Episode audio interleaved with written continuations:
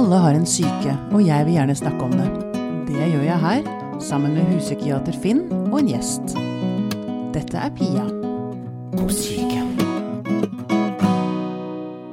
Dere som ikke følger Pia og Syken på Facebook eller Instagram, eh, dere har kanskje ikke fått med dere at Finn har fått et nytt navn.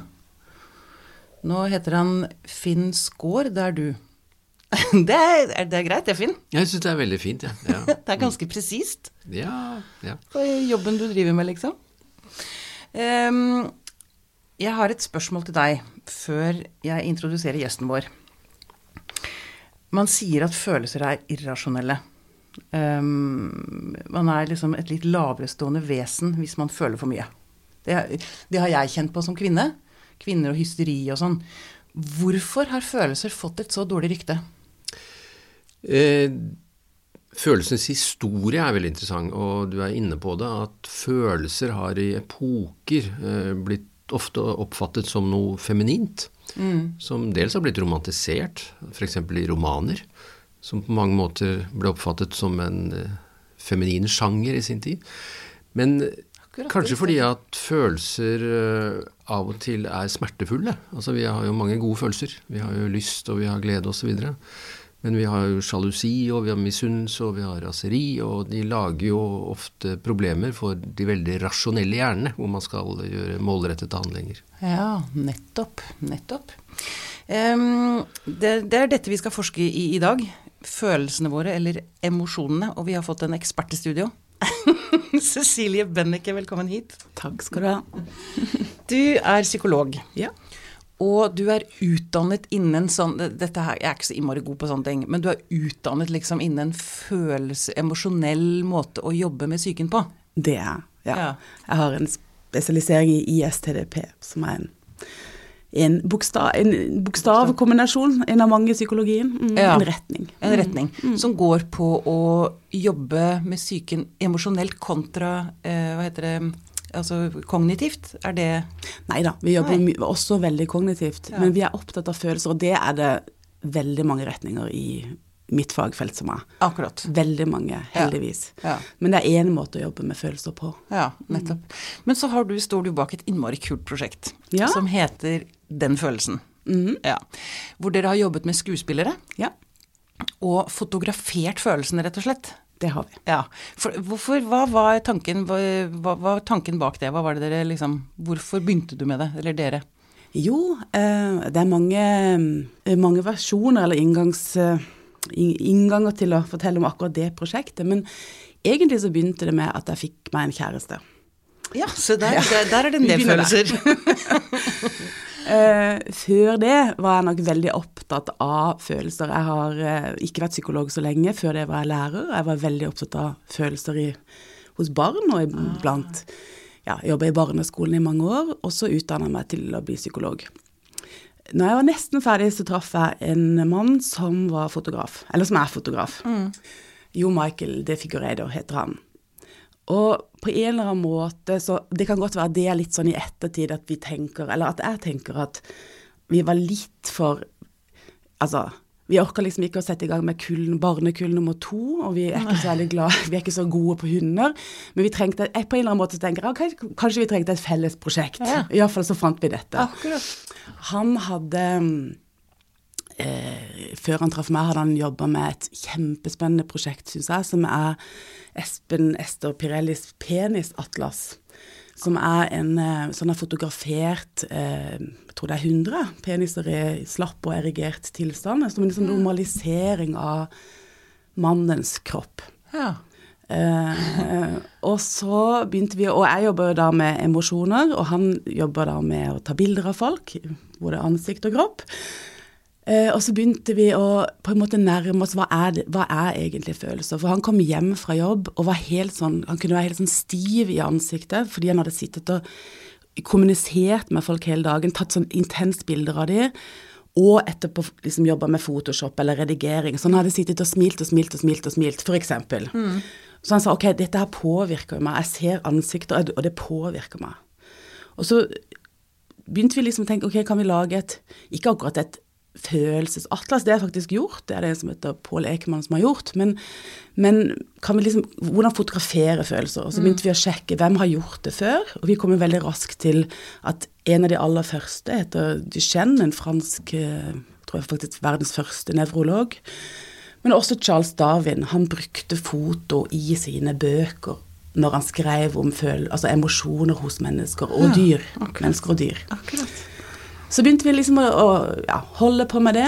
Hvordan følelser påvirker oss, hvordan det skjer i kroppen. Vi, begynte rett og slett bare å snakke om det. da. Ja, nettopp. Også fordi det, det eh, ja, Du fortalte meg om dette, og så Ja. sa du at dere jobbet med skuespillere, og så um, ga du, du Du fortalte ikke hvilken følelse de skulle illustrere. Nei. Du, altså- du ga dem instruksjoner på hvordan de skulle bevege ansiktet, liksom? Ja, for det vi gjorde var å samle forskning. Dette er ikke et forskningsprosjekt, det vi gjør. Vi har det egentlig bare litt gøy. Altså, vi har det gøy. Vi, Ja, vi det er det er et gøy prosjekt, Vi vi leker med følelser, men, men det er tatt mye bilder av, av, av emosjoner, og vi begynte å samle forskning. Hva, hva er det som er det vi kaller universelle ansiktsuttrykk? Mm. Vi jobber faktisk også mye med kropp, men, men det du snakker om nå, det er liksom Det er ansiktsuttrykk. Mm. Så ringte vi Teaterhøgskolen og, og fikk kjemperespons, eh, og plutselig så satt vi der med var det tolv skuespillere etter hvert. En hel sommer holdt vi på. Og det jeg gjorde da, det var at jeg brukte forskning på ok, hva er minste felles multiplum? Er liksom, hvordan ser glede ut, sånn at det kjennes igjen i, i ulike deler av verden? Er- hva, hva må til for at du skal se at jeg er glad, da? Ja. Og så brukte vi det. Ja, ok, det må være sånn og sånn med munnen, sånn og sånn med øynene. Og så, så, så satt skuespillerne rett foran fotografen, helt stille. Eller det vil si, det gjorde de jo ikke, for med en gang følelsen begynte å jobbe i kroppen, så begynte de jo helt automatisk å bevege seg, så de kom jo ut av fokus hele tiden. Fordi sant, vi, vi, vi, vi ga de instruksjoner, sa hev et øyenbryn, gjør sånn, gjør sånn. Jeg, jeg satt og bare liksom Skuespillere er jo helt sånn krem å jobbe med, for å si det sånn. De har kontroll på kroppene sine. De har veldig god kontroll, men så skje, kommer det et punkt hvor de hva skal man si, hvor de, hvor de ikke lenger har kontroll, hvor det går fra å kontrollere ansiktet, legge de i de rette folder, da, sånn som jeg sier at det skal gjøres, til at følelsen faktisk bryter gjennom som en opplevelse i kroppen. Altså, ner det autonome nervesystemet er med, rett og slett. Altså, de, de Plutselig så blir de triste, da. Ja, det, det er helt fascinerende. Jeg husker vi snakket, nå husker jeg ikke om Var det en episode vi gjorde, Finn? Jo, det tror jeg med Peter Skjerven. Ja. Vi snakket, om, vi snakket om Du sa noe om at Botox Ja, det er ja.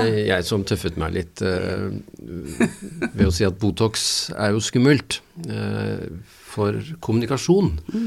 Fordi Ja. ved å gjøre panna flat eller ved å ta bort ansiktsuttrykk, så er det vanskeligere å lese deg. Men det er også vanskeligere å lese seg selv. Ikke? Altså fordi det er jo en samspill mellom følelsen din og din egen ansiktsmimikk, Ja. og hva slags gester du har, men ikke minst å tulle med bevegelsen i ansiktet med Botox, da. Så, Så det- får du faktisk litt mindre kontakt med deg selv. Nå ble jeg tøffa meg og sa at det er en lobotomi light, sa jeg. Ja, det er vel ikke det, men altså, det påvirker din egen kontakt med deg sjøl. Men det øh, Ja, ikke sant. Uh, og det er jo egentlig det Cecilie sitter og sier, at Eller at faktisk ved å forandre ansiktet fysisk, så endrer du dine egne følelser. Du eh, framkaller de, vil jeg kanskje si. Mm. Ja, vi skal ta en sånn instruksjon, men vi skal vente Ja. litt med det. Få tenke Eh, hvilke følelser du vil ha, da. Ja, ja, det skal jeg gjøre. Å, dette nå, nå Nei og nei, nå mister jeg fokus. jeg sitter og tenker på det. Men jeg har lyst til å snakke litt ehm, mer bare rundt dette med følelser, for det er så Det er liksom litt vanskelig Altså, vi kunne jo snakket om dette i tre uker, tenker jeg. Eh, og det er noe med å, en utfordring å få dette ned på sånn 40 minutter. Men um, jeg vet at du også er opptatt av å avlive en del myter som finnes rundt dette med følelser. Um, blant annet så skriver du at vi er redde for følelsene, tror vi kan få hjerteinfarkt av dem ikke sant? hvis vi slipper dem til. Men så skriver du at følelser er ikke farlige, det er det vi gjør for å unngå følelsene som får oss i trøbbel. Kan dere to diskutere det litt, vær så snill? Nei. Nå vil jeg høre Ja. ekspertisen. Ja, hvor skal vi begynne da, Finn? Nei, men Vi kan jo begynne på at at uh, det er forskjellige forhold vi kan ha til følelser. Altså Én ting er følelsesbevissthet, altså faktisk det å vite hva du føler. Ja. Det er jo veldig mange som ikke vet hva de føler. Uh, og Bare det er en uh... Det er jo litt sånn at for å gjøre dette litt komplisert fra starten av, så Herlig. skiller vi av og til mellom jeg, kategoriale følelser, altså kategorier. Mm. En kategori er jo sint, f.eks., en annen er redd, en annen er glad. Så snakker vi av og til også, særlig er det en uh, amerikansk psykiater som het Daniel Stern, som var opptatt av at det er ikke sånn at følelsene nødvendigvis kommer i disse kategoriene. De kan jo kjennes f.eks. som vitalitet, altså du kjenner deg vital. Og Da handler det ofte om hvordan du fører språket ditt, altså det ligner på musikk. Han var veldig glad i musikk. Mm. Så er det liksom crescendo og decrescendo. Eh, så bevissthet om følelser viser seg i mange sammenhenger å være sunt for psykisk helse. Ja. Uh, og hvis du ikke vet hva du føler, så føles jo ikke det som at du ikke føler noe. Det kan føles som kaos, f.eks. Det ja, kan føles sant? som en voldsom uro. Jeg møter ja. veldig mange personer som kjenner uro. Og da er det faktisk en viktig jobb å begynne å, begynne å sortere litt. Altså hva kan dette minne om, hva kan dette ligne på. Ja. Og I seg selv kan det være ganske terapeutisk å få økt følelsesbevissthet. Det er ett sted å starte, Cecilie. Mm. Så har vi jo mer følelsestoleranse, f.eks. Ja. Og jeg, jeg, tenker at akkurat det der med kaos er kanskje det mest sentrale Eller iallfall det jeg griper fatt i, det du, det du sier. Fordi jeg tenker at stort sett når og det sier jeg ofte, ikke sant? følelser har et dårlig rykte. Mm. Ikke overalt, fordi jeg kan jo samtidig si at vi snakker enormt mye om emosjon nå i, i, i, fagfeltet, og egentlig masse steder, men, men, det er litt sånn, litt sånn ullent, og hva er egentlig en mm. følelse? Og mm. vi kaller jo ufattelig mange ting for følelser. Mm. Både tenkning og holdning og Ja, vi, vi, vi bruker følelser om mange, mange fenomen, tenker jeg. Så hvis man kan si ok, vi leter etter noen holdt på å si nesten byggeklosser, tenker jeg, bestanddeler. Vi, i, vi, har ofte et, et kaos i oss. Men hva består det kaoset av? Hva er det som skaper kaoset? Jo, så kanskje man kan finne gi følelsene et slags navn eller et nummer, mm. eller altså sorter, rett og slett en sortering, da. Ja. Ok, du er sint, og du er sint på noen. Det er faktisk en konkret situasjon, og det er en konkret emosjon. Mm. Men også fordi jeg, jeg, har også lært noe om at angst kan oppstå, eller oppstår kanskje, når du har to sterke følelser som står i konflikt. Ja, to eller flere. To eller flere, ikke sant.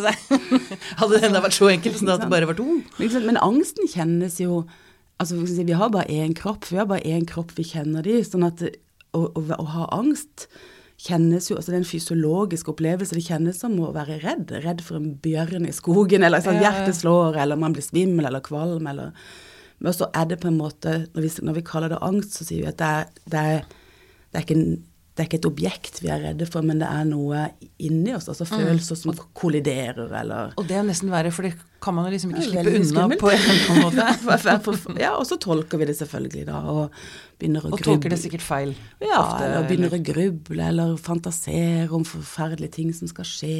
Liksom. Da kommer jo jo sant, Mens hvis man skulle være så uheldig å treffe en bjørn i skogen, så tar vi beina fatt og løper, men det vi gjør ofte når vi er i, det, i, i, livet vårt, det er jo at vi løper i tanken. Vi, vi fantaserer og vi grubler og vi, vi, er i fremtid og fortid. Og så får vi ikke helt tak i å ja, det som skjer inni meg er et kaos fordi jeg ja, er sint og lei meg samtidig. Og elsker. Eller, eller, og elsker. Eh, Veldig ofte elsker. Eh, ja. Ikke sant? Mm. Eh, Sint på noen jeg er glad i. Ja, Veldig vanskelig. Nettopp. Og for det ligger et forsvar i kanskje det å bruke tanken for å prøve å sortere? Altså, jeg tenker at jeg er jo veldig glad for at vi har, har tanken. Vi trenger jo mm. den til analyse og til, til, alle mulige ting. Men det er klart at vi også kan tenke oss bort. Det er jo ikke noe vanskelig. Nei. Det er, ikke sant? Vi ser for oss, og vi, og vi, vi går på en måte lett, tenker jeg, over i noe ja, hva skal vi kalle det, noe generelt, noe, noe stort. Og så mm. er kanskje min jobb som ja, iallfall som terapeut, det å si men hva er det som skjer akkurat nå, her, nå? Ja. Hva, hva, er det du sitter med nå? Altså finne de der byggeklossene, da. Fordi man kan være ganske redd for å se hva det er man faktisk føler. Veldig redd. Det har i hvert fall jeg ja. opplevd i terapi, mm. at uh, det, tar, det, kan ta tid å faktisk uh, erkjenne at jeg er jævlig forbanna f.eks. Og, og det har jo kanskje vært veldig skummelt. Altså, ja, det er jo veldig sant. ofte man Hvis du tenker som, som barn, da, at man ikke blir møtt. Har, vi har jo masse erfaringer, de fleste av oss, på å ikke bli møtt på ja, enten atferden vår eller følelseslivet. Altså, mm. det, det, det, er ikke alltid at det står noen og tar oss imot med åpne armer når vi har liksom følelsesstormer inni oss. Vi lærer oss jo veldig fort at det er farlig. Mm. Eller ikke, ja. ikke, tro, ikke, til å holde ut, da, for mm. andre. Mm. F.eks. å bli møtt med forakt ja, for eksempel, eh, er jo ganske drepende for et lite barn. Ja. og man kan jo tenke seg altså en, Et mulig resultat er jo skam. ikke sant? Man kommer liksom løpende med hele seg, løper verden i møte. ikke sant? Se på meg, liksom. Se på mm. kjolen min, se på tegningen min. Og så blir man møtt med mangel på interesse eller forakt eller Og det, det skjer nok jeg tenker jo at det skjer, det skjer, oss alle, men noen møter det veldig mye. Mye mer enn andre. Ja. Mm. For jeg opererer jo etter den teorien Nå er jo jeg over i min høye fase, bare for ja. å være åpen om det. Mm. Um, og um, da er jo livet på mange måter lettere, for det er mye mer energi. Mm. Um, men for jeg, jeg, tenker jo at min Jeg har fått diagnosen bipolar 2, og det er fint, det. Jeg er med på den. Bølger. Høye og lave. Men min opplevelse er jo bare at det er utrolig masse følelser, sterke, sterke følelser, som er presset ned inni meg, som ikke har fått lov til å komme ut. Mm. Og jeg lever fortsatt i det håpet, at bare jeg får sortert ordentlig der, mm. så tenker jeg at bipolariteten min kan kanskje ikke bli helt borte, men i hvert fall more manageable, for å si det på mm. engelsk. Mm. Dere, dere, jeg skjønner at dere som fagfolk ikke kan verken avkrefte eller bekrefte det, men noen tanker? Ja, jeg tror det er sånn. men, men, jeg, men, jeg, tror Og et, fordi jeg tror det er sånn for oss alle. Ja. Uh, altså, sortering gjør godt. Uh, jeg tror det um, altså, kaos, gjør, kaos, er ikke noe godt. Det er som vi vasser inn sånn grøt av udefinerte ting. Vi vet ikke hva, vi vet ikke hvem, vi vet ikke hvor. Ikke Så det er klart at det uh, og, og, og, hvis man Du sier bipolar 2, men det kunne være alle mulige andre tilstander. Men det gjør vel også at det, jo, det, det skaper noen følelser, det òg. Å ha, ha f.eks. en høy periode eller, en, eller være nedstemt. Det skal man ja. også håndtere.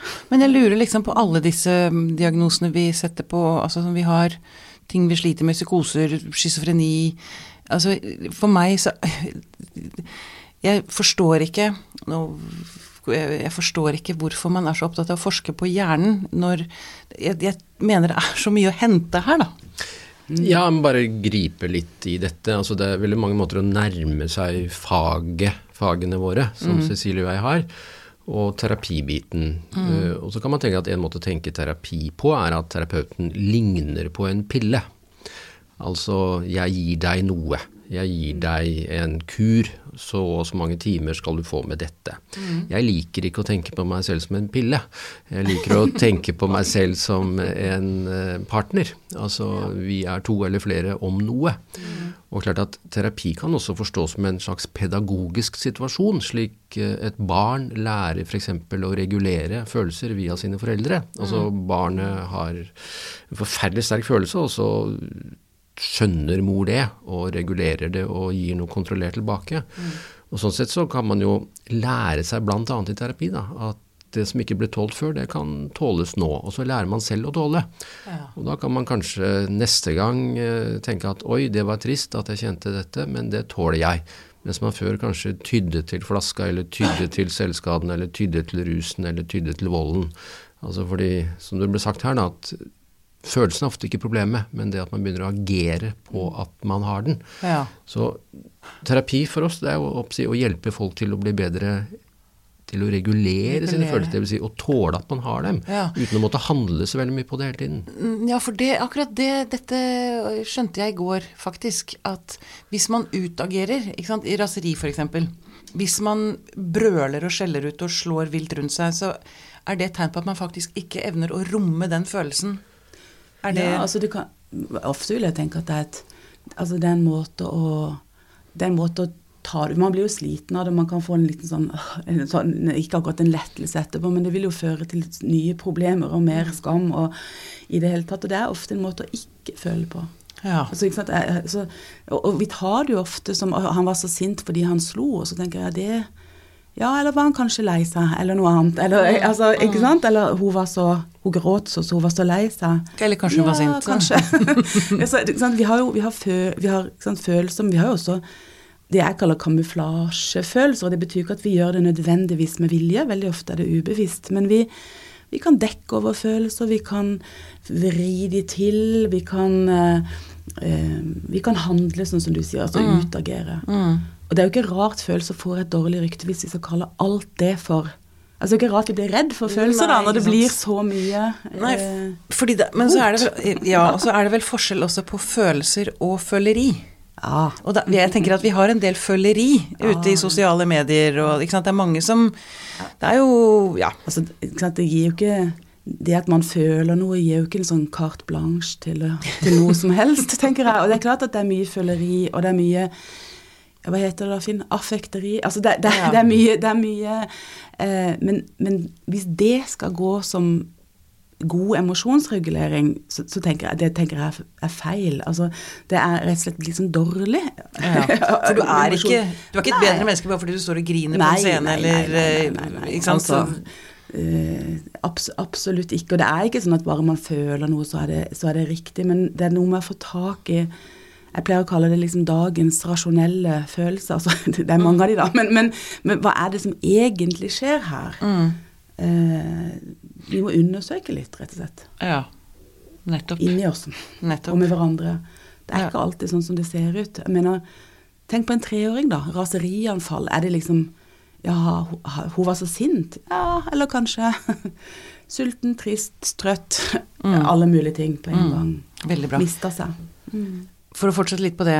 Eh, det er ikke Altså, vi har, jeg er vant til Vi må snakke om følelsene våre. Men det tenker du ikke nødvendigvis er eh, helt riktig? Eller Altså, en god det idé? er jo Altså jeg har dette prosjektet med, med foto, og vi, vi driver med film, og vi holder på med mye som ikke er å snakke. Men det vil jo være litt vågalt av meg å si at man ikke skal snakke om det, Ja, fordi jeg er jo også terapeut. Mm. Men jeg tenker at vi også kan snakke det i hjel, da. Ja. Jeg tenker at det kommer utrolig mange ord som virker som en At vi nærmer oss noe, og så snakker vi Vi snakker oss egentlig bare bort, tenker jeg. Fra, jeg vet ikke hva du tenker, Finn, men eh, Jo, altså jeg er veldig opptatt av språk, og jeg er litt nervøs for språk. For ofte ser vi mye av språket om psykologi. eh, er jo noe som i utgangspunktet begynner bra. Og så blir det fort til en slags sjargong. og så Ja. da tømmer vi ofte mye av dette psykologiske språket for dets dybde. Ja. Altså Jeg merker i dag at hvis folk sier, apropos noen sentrale følelser, da, hvis noen sier 'selvfølelsen min', vet du, den er så dårlig, da vet ikke jeg hva folk egentlig mener. Altså vi, vi kan ikke bare akseptere utsagn om følelser som om vi vet hva det er. Altså Angsten min er ikke sikkert at den lenger er angsten din. Så vi må liksom få tak i hva det handler om. F.eks. kroppslig, eller i de situasjoner de oppstår. Med hvilke personer de oppstår. Altså at vi ikke bare kjøper ord for følelser. Og jeg syns at eh, vi skal liksom være litt sånn skeptiske mot mye av følelsessnakket. Altså mm. vi gjør veldig mye til psykologi som kanskje ikke er så mye psykologi. Ja. Det er noe som heter makt, f.eks. Mm. Eh, Da kanskje vi skal snakke om makt. Kanskje vi skal av og til snakke om penger. Altså ting som oppsi er ganske viktige for hele den psykiske helsen. Ja, for det er, det dette kan misbrukes. Dette Det- språket det misbrukes. Det det misbrukes, ja. ja. Og da er det lett å skylde på liksom hele litterære sjangere. Men klart at veldig mye av selvhjelpslitteraturen den balanserer av og til i et litt uklart landskap. Men også mitt, iallfall mitt fag, psykologien, tenker jeg jo er Um, ja, litt upresis, mildt sagt, i, for, i med begrep. Altså, det, vi, vi snakker faktisk ikke alltid om det samme når vi sier angst. Mener vi da en angstlidelse? En eller annen eh, diagnose, eller mener vi eh, altså en, på en måte det jeg kaller en normal angst, altså en reaksjon, en fysiologisk re- reaksjon i kroppen. Og der tror jeg bare man kan fortsette. Hva, hva betyr følelse? Jeg tror ikke du får samme svar engang altså, fra Nei, folk. ikke sant. Altså i fagfolk. Sånn at det har også vært en del av mitt prosjekt å bare prøve å liksom forstå mer, da. Um, Ja. I hvert fall forstå hvor uenighetene ligger, da. Eh. Mm. og, og så I tillegg kommer da det med at vi kaller alle mulige ting en følelse sånn i, i dagligspråket vårt, liksom. Mm. Jeg fø, følte at det var godt, eller følte at ja, eh, Ja, men for det, er, for det er også en, en forskjell på en følelse og en tilstand. ja. Altså, Eller, nå ser- ser jeg, ser på, jeg ser på dere begge, så jeg Jeg kan godt si at en følelse er en tilstand. Jeg ville ikke protestert på det, men Mm. jeg tenker at en, en tilstand er kanskje mer Hva skal man si da? En depresjon. Ja, det vil jo være én type tilstand. Jeg skulle til å si å være blakk. Ja. eller eller eh, holdt på å si gravid. Eller, eh, eller eh, søvnløs. Akkurat, ikke sant? Ja. Altså, så, så det, det er på en måte noe som skjer med en, og det kan godt være at Du kan godt tenke sånn om følelser, men jeg tenker at følelser er mye mer ferskvare. Kommer og går. Den raskeste emosjonen vi har, det er overraskelse. Den er på et millisekund. Den, den, så når vi skulle fotografere eh, overraskelse, så måtte vi jo overraske de gang på gang, fordi de kan ikke sitte i lang tid og se overraska ut, for da ser de For det er et glimt, egentlig, det. Mm. Ja, ja ikke sant? for de, de ser bare måpende ut. Og de gamle bildene til Davin de ser rett og slett ikke helt friske ut. Liksom. Fordi til, til, ikke sant, kamera, kamera Der måtte jo stå lenge, da. Så de ser fryktelig eh, Rett og slett litt sånn eh, ja, ikke så Ja. Mm. åndsfriske ut, de som skal være overraska. Så de, om og om igjen Oi, oi, oi! liksom, skal Mm. skape det. Så det er kortvarig. Eh, og, det, det, så det, og det går over. Så det er jo iallfall en kort tilstand, da, tenker jeg. Mm. Det er jo trøsten, da, når det gjør vondt. At det ikke Tanken om det kan vare lenge, men, men vi, vi er faktisk ikke triste liksom, eller, eller sinte i et år, eller noe Nei, sånt. konstant Nei, i samme, det er på samme ikke. Nei. Og det der er ganske viktig, for det er jo i dag en ganske stor felles bekymring, sånn som det har vært i mange tusen år, for ungdommen. Ungdommens sinnstilstand. Og det er nok mye som tyder på at den kanskje er bedre enn hva en del første sier alarmistisk sier. Mm. Men hvis det er noe som er problematisk med ungdomssinn, så er det jo ofte ungdoms manglende opplevelse av at ting går over. Altså frykten for at denne tristheten kommer jeg aldri ut av, eller eh, denne mettheten går aldri over. Altså at noe av det fine med å vokse opp, eh, bli voksen, det er jo at du vet at ting går over. Du har erfart. Ja, det gjelder depresjon, men det gjelder også glede og lykke og tilfredshet. Det går over alt sammen. Eh, Men det er nettopp det å ha en tillit til at ting ikke varer. Og det er ungdoms store utfordring. Altså å tro på det. Ja, nettopp. Ja, veldig bra. Um, jeg har lyst til å eh, Jeg er jo ikke så veldig akademisk anlagt. Jeg har ikke studert. eh, fordi det jeg bare klarer ikke å tilegne meg kunnskap via ord, på en eller annen måte. Og jeg har alltid følt meg underlegen. Det er en følelse. Føle seg underlegen, eller er det en til? Nei. Nei, det er jo det er klart at jeg, jeg vil ikke diskutere du føl, Hvis du føler deg underlegen, så kan du ikke kalle det en følelse, men det er ikke en ren emosjon. Det er mye tenkning der òg. Ja. Det er et slags Det er en slags skjema, ja. Ja. En slags sant? Altså, skjema. Du lager et skjema. Ja. Altså, der er du i forhold til Ja. eh, meg, f.eks., Ja. da, som tilfeldigvis er professor. for eksempel. Ja. Ja, akkurat. Ja. Nettopp. Ja, for du er veldig Finn er jo et levende oppslagsverk. Ja. Eh, Jeg føler meg alltid liksom eller, Egentlig så har jeg snudd det til å tenke at åh, det er så fantastisk å ha Finn, for jeg kan spørre han om alt, og så bare løse, fikser han det. Mhm. Så trenger ikke jeg å bry meg om det. Jeg trenger ikke å bekymre meg for det. Men det kunne jo være fint å ha et skjema på andre ting som var sammenlignbart, å sammenligne seg med andre. Ja. Eh, nå skal jeg prøve å være, gå inn i det akademiske, litt mer komplisert. Nevrokulturell imperialisme. Ja. Den boka jeg ønsker meg til jul. Ja. Ja. Snakker hjerne, hjerne, hjerneforskning, eller Ja. ja. Altså, ja. Eh, altså Jeg tror det var Nå får du nikke eller riste på hodet, Finn. Jeg tror at det var 2010 som var hjernens år, eller det internasjonale året for hjernen, eller noe sånt. Ja, og det har vært mye Og det har vært, det har vært Mye veldig mye hjerne, Ja. i hvert fall. Ja. Ja. Det må vi jo bare være glad for. Jeg studerte um, på Blindern ikke så lenge siden, og det var veldig mye hjerne. Um, jeg er glad for det.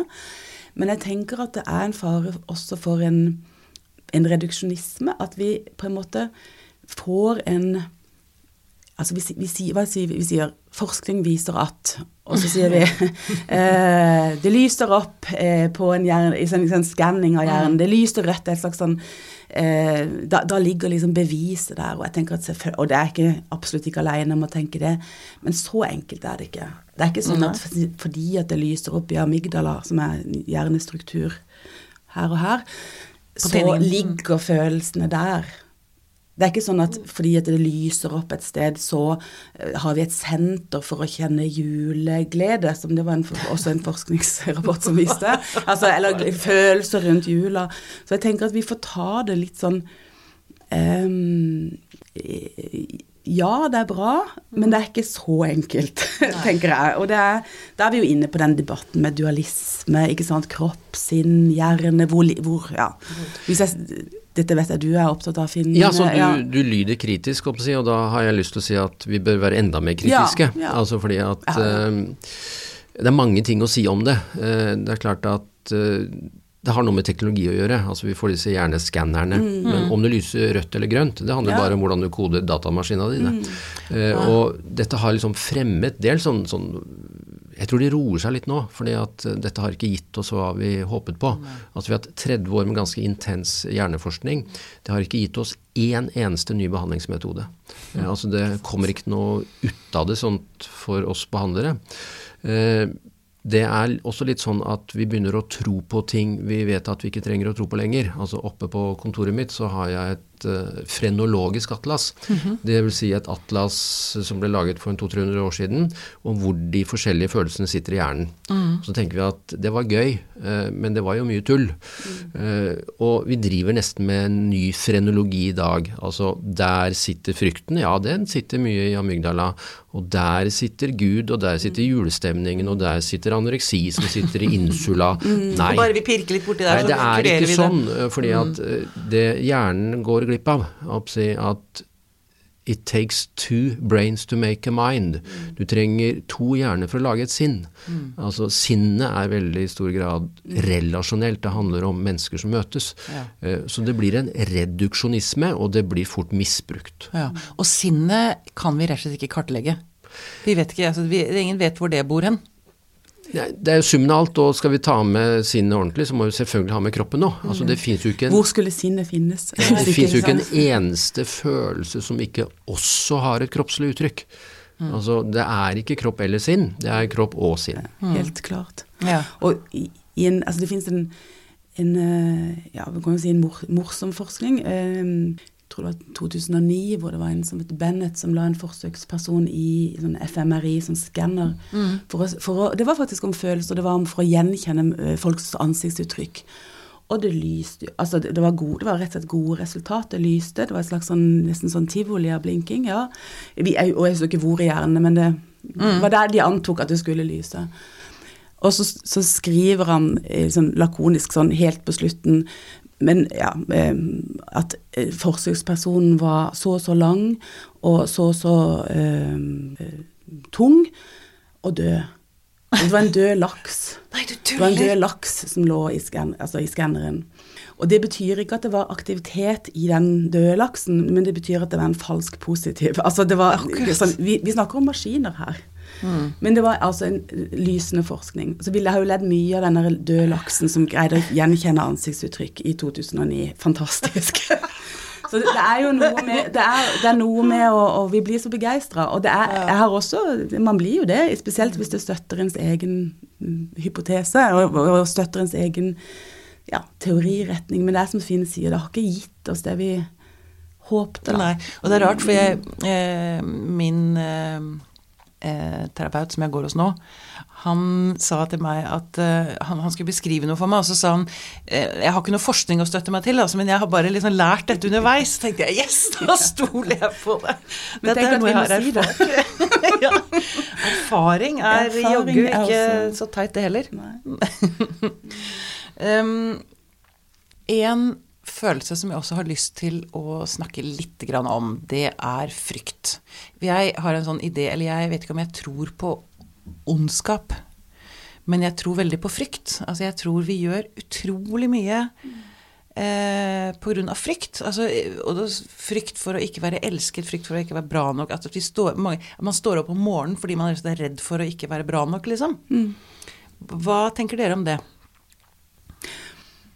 Jeg tenker at frykt uh, Jeg er enig i alt du sier. Men, mm. og jeg tenker at vi er Selvfølgelig vi er ofte styrt av frykt. Men jeg tenker at frykten er um, Ja, hva skal jeg si tredelt. Mm -hmm. At det som kalles en ren emosjon som er f.eks. det vi har bild, som vi har prøvd å ta bilde av, da, det er eh, rett og slett å være redd for noe. Ja. Denne bjørnen, eller mm. slangen eller bilen eller altså, eh, altså noe, noe faktisk. Altså da, og da, da ser, da ser sånn man får oppspilte øyne, man, man får, man, munnen trekkes tilbake til øra. Vi får liksom, ja, Man ser redd ut. Og så har man det som vi snakker om i stad, som er angst. Som er holdt på å si, kroppen reagerer på samme måte, men da er det på en måte inn, noe, inn, noe inni oss vi er redd for. Noe mer vi kan godt si objektløst, men, men, men for følelser. Men i tillegg så har vi det du, som jeg tror du snakker mest om nå, som er mer den kognitive, altså tenkningen vår, bekymringen vår. Som er hva kommer til å skje? Eller hva tenker Finn og Pia om meg nå? Altså, ikke sant? Fantasien om, om den andre, det er jo en, det er en frykt, men det er en tenkt uh, frykt. Ja. En, en, Ja, så jeg kan jeg si, Jeg sa jeg skulle være litt sånn skeptisk mot all denne hjernesnakken, men øh, jeg kan jo snakke litt hjerne. Eh, Fordi at vi har en tredelt hjerne, eh, mens f.eks. pattedyr stort sett har en todelt. Altså vi har det vi ofte snakker om liksom prefrontale delen, den som sitter eh, oppi panna. Der ligger musikk og språk, og der ligger mye ettertanke og refleksjon osv. Og, og den er veldig flott å ha, som gjør oss mennesker unike. Altså vi kan tenke over hvordan vi tenker. Vi kan tenke over hvordan vi føler. Men det har noen ulemper. La oss si at du er en sebra i dag, eh, og du gresser et eller annet sted i Afrika. Eh, og så reagerer fryktsystemet ditt fordi det er en leopard i nærheten. Da blir du redd. Altså frykt er overlevelse. Så forsvinner leoparden, eh, og da slapper du av, og da gresser du videre. Eh, Mennesket er litt annerledes laget. Eh, Det slapper ikke av fordi det har et hukommelsessystem som gjør at oi, det kan fort dukke opp en leopard igjen. Så kan det bli din angstlidelse. Altså at det er ingen fare der. Men du har et hukommelsessystem som gjør at du blir opptatt av faren.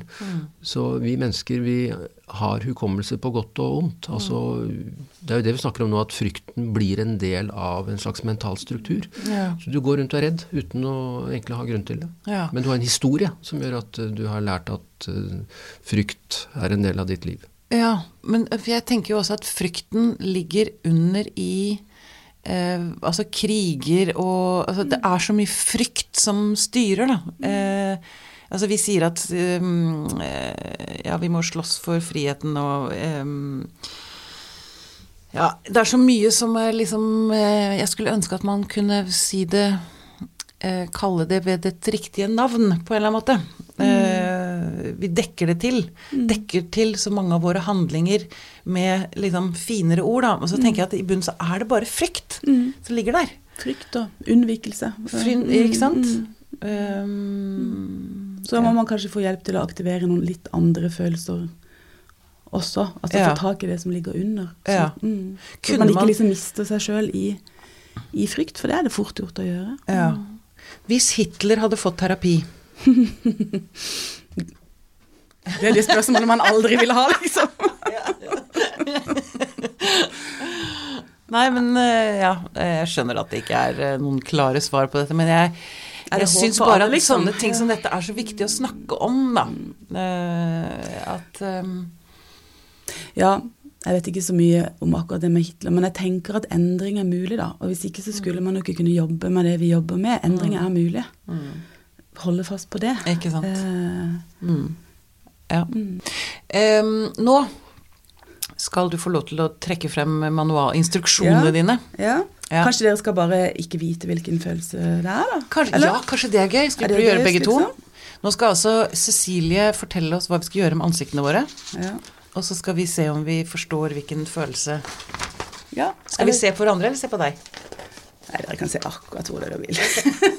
da, gjorde, da vi gjorde det med skuespillet, så så de rett fram, for de måtte se i kamera, så satt jeg liksom som en sånn skygge og bare instruerte. Men de, de um, Nå kan lytteren også være med og se om vi ja, se om det, om det det skjer, skjer noe. Det er ikke, ikke så lett, liksom, men Nei, vi prøver. Ok. Hvis dere prøver å bare legge ansiktet helt sånn, eh, så nøytralt dere kan, så prøver dere å heve kinnene. Begge kinn. Så ja, så hever dere de nedre øyelokka. Mhm.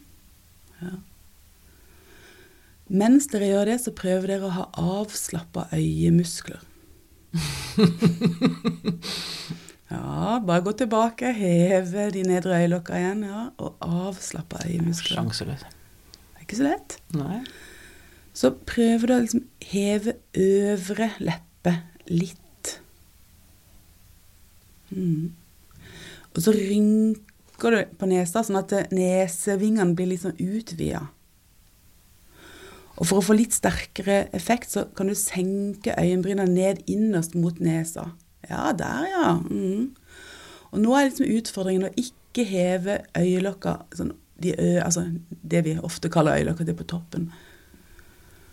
Og så kjenner dere at dere utvider nesevingene og rynker nesa mer. Ja, Finn, hva føler du nå? Nei, jeg driver og leter et eller annet Ja. sted mellom eh, noe glede og ikke glede her. Så, ja. Ja, ok. okay. ok. Prøv litt til. Så sier jeg, så Mm. Hvis du kjenner at, um, at Mm. eh, den øvre leppa skal heve, altså overleppa skal heves, og så rynker dere på nesa. Nå er det noe som ikke er så bra. Jeg tror. Ja, Ja. ja. Ja. Ne- Nesten ta e- leppa enda mer opp, tror jeg. Ja. Mm. Pia? Avsky eller sinne Ja. Hva var det som gjorde at det gikk fra litt glede her Ja, så til- heve, heve kinnet, så er, Ja. er man jo nært et smil. Men Ja. så begynner Ja. liksom uh, disgust å Ja. tre frem etter hvert. Ja. Og det, det var avsky. Ja, Det var altså, avsky, ja, ja, avsky. Og, og det som skjedde Du gjorde jo vi det med liksom jo. om og om, om igjen, ikke sant? Og, og skuespiller etter skuespiller. Ja. Og vi måtte nest Altså, vi, vi Ja. kasta ikke opp, men det var redd, det man blir altså så Ja. Så akkurat. Ja, fordi det, det aktiverer vi Holder man på med det lenge nok, så, Ja. så kjenner man det veldig fysisk. Ja. Og, og sånn hvis du tenker at det er på en måte Avskyen er en portvakt. ikke sant? Ja, ja. Vi ikke har noe inn Ja. i nesa, vi ikke har noe inn i munnen. Vi ikke har det, vi ikke har det. vi ikke har Det Det er bare uh. så, så det er en litt sånn avansert immunforsvar. ikke sant? Du bare vil ikke ha det inn. Altså sånn Evolusjonsmessig så er det det også. Det er jo en idé om at avsky har en slags evolusjonsmessig rot i å ikke spise råtten mat. Ja. ja, ja akkurat. Du skal beskytte Du skal deg mot beskytte det som er farlig.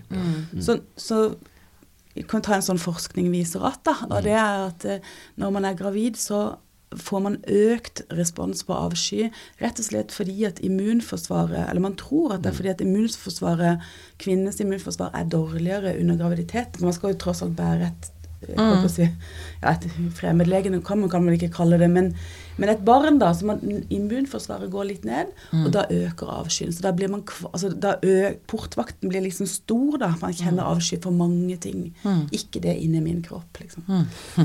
Ja, fascinerende, altså. Og hvis vi hadde gjort samme øvelse som litt, litt med variasjon, men bare heve på ene sida av leppa, da hadde forakten kommet for ganske fort. akkurat. Og Og da hadde, vi også, da hadde jeg også sagt gå litt grann tilbake i stolen. Ja, og løft hodet Ja, løft, løft haka litt, ikke sant, så får du den. Og det er kanskje mer Den kjennes igjen over hele verden, men det er kanskje litt mer forsvarsprega emosjon, tenker jeg. Ikke sant? Det er en måte å ta avstand til andre på. Ja. Kan godt gå i forakt når man egentlig er sint. Eller lei seg. Ja, sant? Fordi altså, forakt. Ja, altså, nettopp. Det er en måte å slippe unna ja, sinne på, egentlig. Ja. Ja. Eller andre følelser. Eller andre Nære følelser. Veldig effektivt. Gå rett i forakt. Rett i forakt. ja. Veldig. Det er selvfølgelig Ah, gift for andre, men det sørger for avstand. Altså, ja. Du Sørger for avstand. Sørger for avstand. Du gjør det. Du, Ja. Det er en trygghetsmekanisme, Ja, nesten. Ja, ubevisst så, så fungerer det jo Folk rygger jo. Ja, ikke sant. Mm. Ok. Um, nå prøver jeg å kvitte meg med denne Ja, avskyfølelsen. Vi, må, vi må rett over i, i julestemning nå. Ja, ja. Det er du, å, nå kommer du meg for kjøpet. Det er jo jul, Mm, og det er jo fint for mange, det. Men det er ikke fint for alle. nei. Eller det er eh, Det er en krevende tid. Det, det er mye som jeg skrev på forrige episode med Tore Petterson. Det er en tid hvor følelsene fort kan gå litt bananas. I alle retninger, liksom.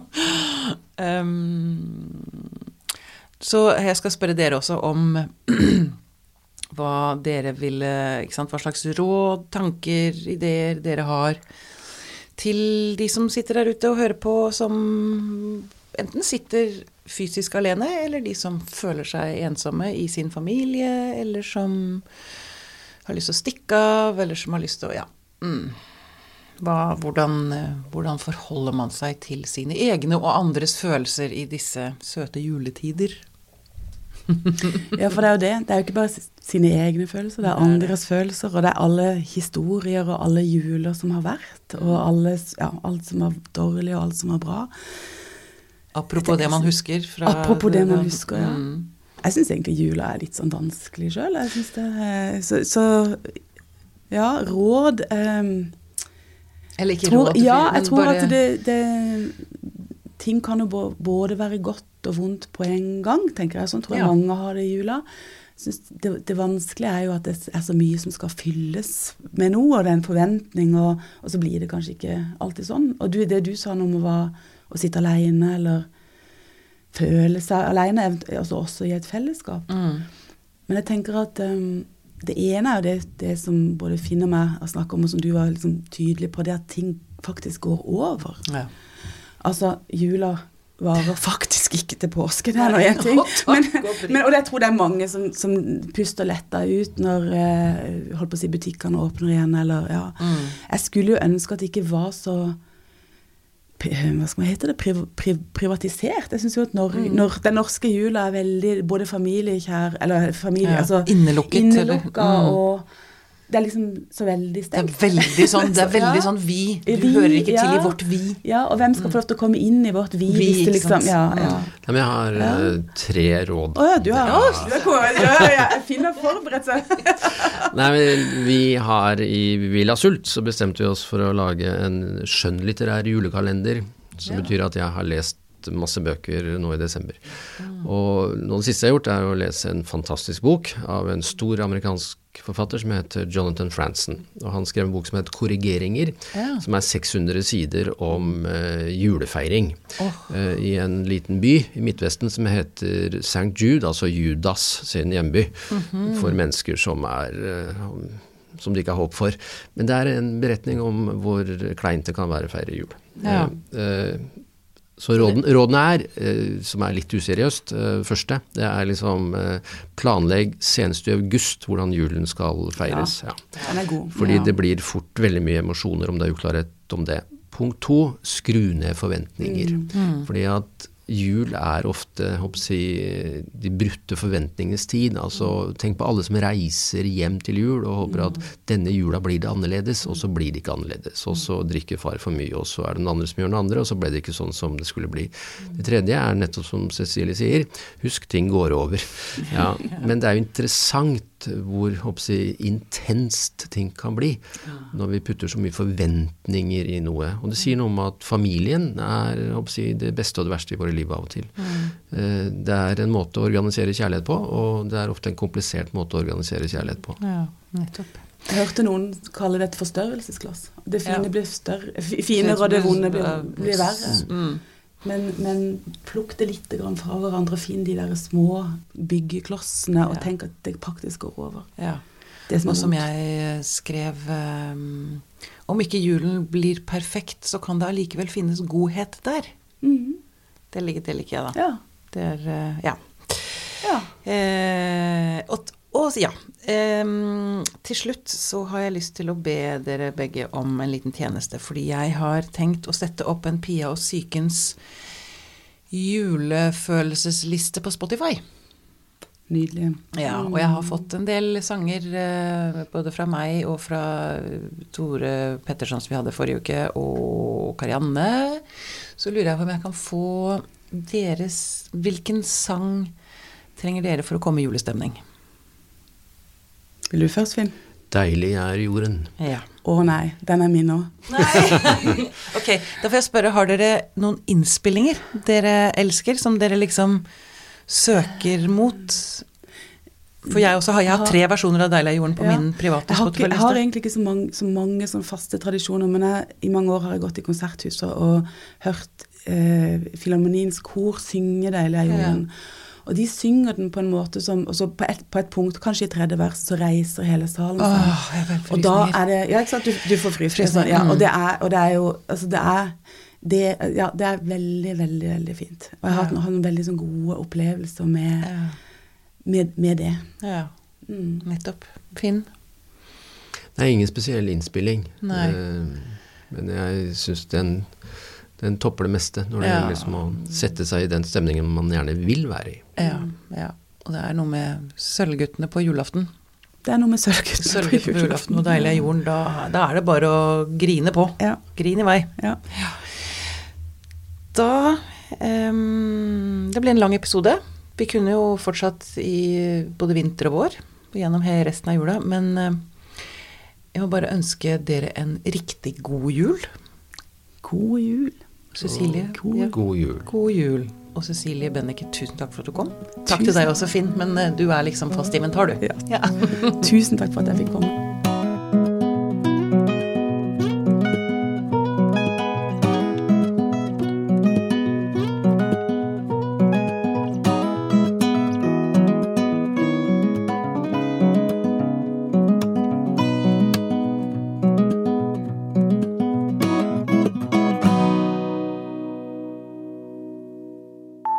Podkasten er produsert av Tid og Lyst. Med støtte fra Ekkos legat.